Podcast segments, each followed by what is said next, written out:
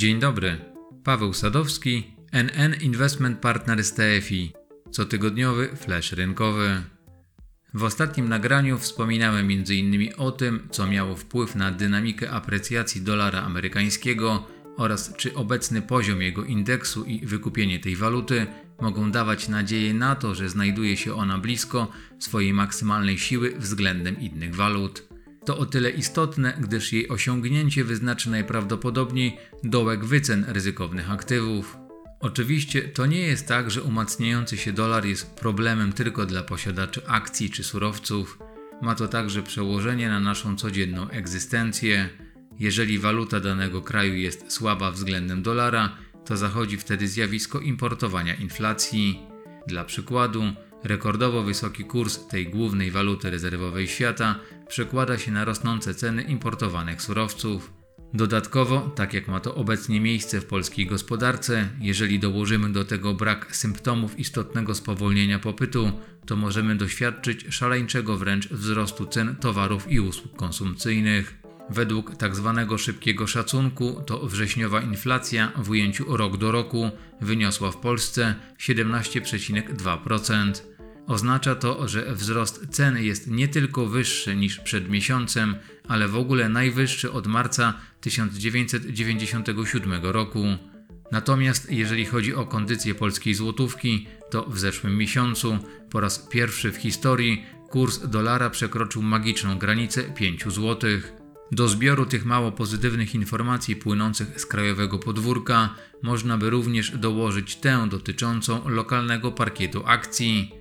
Agencja Bloomberg kolejny raz określiła indeks WIG20 najgorszym indeksem na świecie.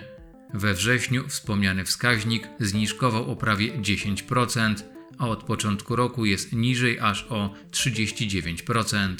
Jako główne przyczyny tak negatywnego zachowania cen krajowych akcji wskazano po pierwsze bezpośrednie sąsiedztwo wojny w Ukrainie, po drugie kryzys energetyczny i gospodarczy związany z dynamicznie rosnącą inflacją, co przekłada się na nie najlepsze perspektywy wzrostu.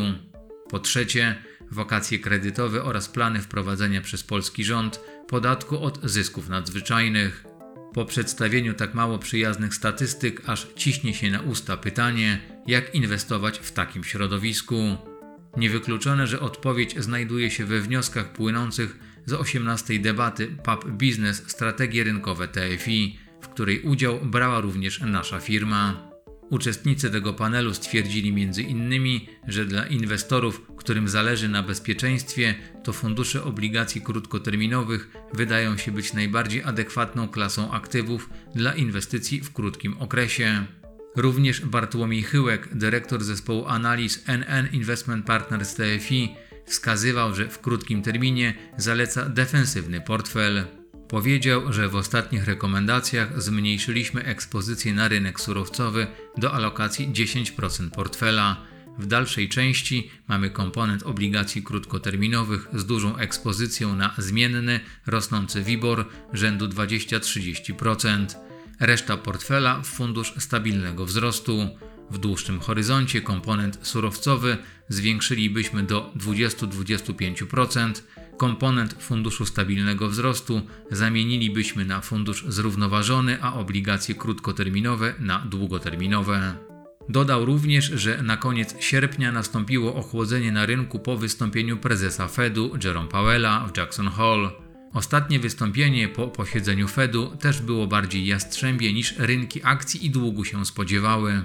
Widzieliśmy gigantyczne ruchy na dziesięcioletnich obligacjach USA. W ostatnich kilkunastu latach Fed obserwował reakcję rynkową, więc teraz jest pytanie, czy bankierzy nie uznają, że trochę przesadzili z agresywną komunikacją. Dopóki takie komentarze nie pojawią się na rynku, to jest ryzyko, że dolar będzie się umacniał do innych walut. Ten obecny ruch jest na tyle mocny i dynamiczny, że być może jednak taka interwencja słowna będzie wcześniej niż później. W tym kontekście warto wspomnieć o tym, że w poniedziałek w zeszłym tygodniu Organizacja Narodów Zjednoczonych wezwała Fed i inne banki centralne do wstrzymania podwyżek stóp procentowych. Agencja ostrzegła, że dalsze zaostrzanie polityki grozi globalnym pogorszeniem koniunktury gospodarczej.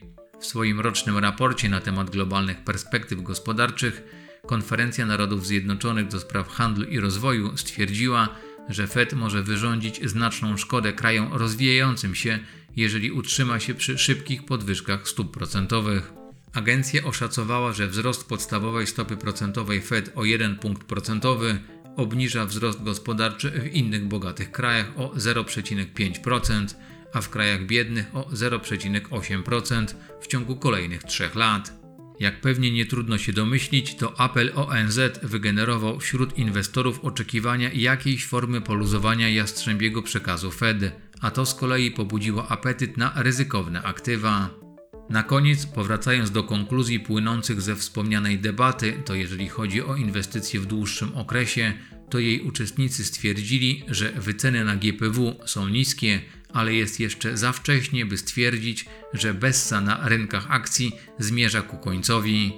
Ich zdaniem warto inwestować długoterminowo w akcje, ale kluczowa jest dywersyfikacja i ekspozycja zarówno na rynek polski i zagraniczny, jak i na różne segmenty. To tyle na dzisiaj i do usłyszenia.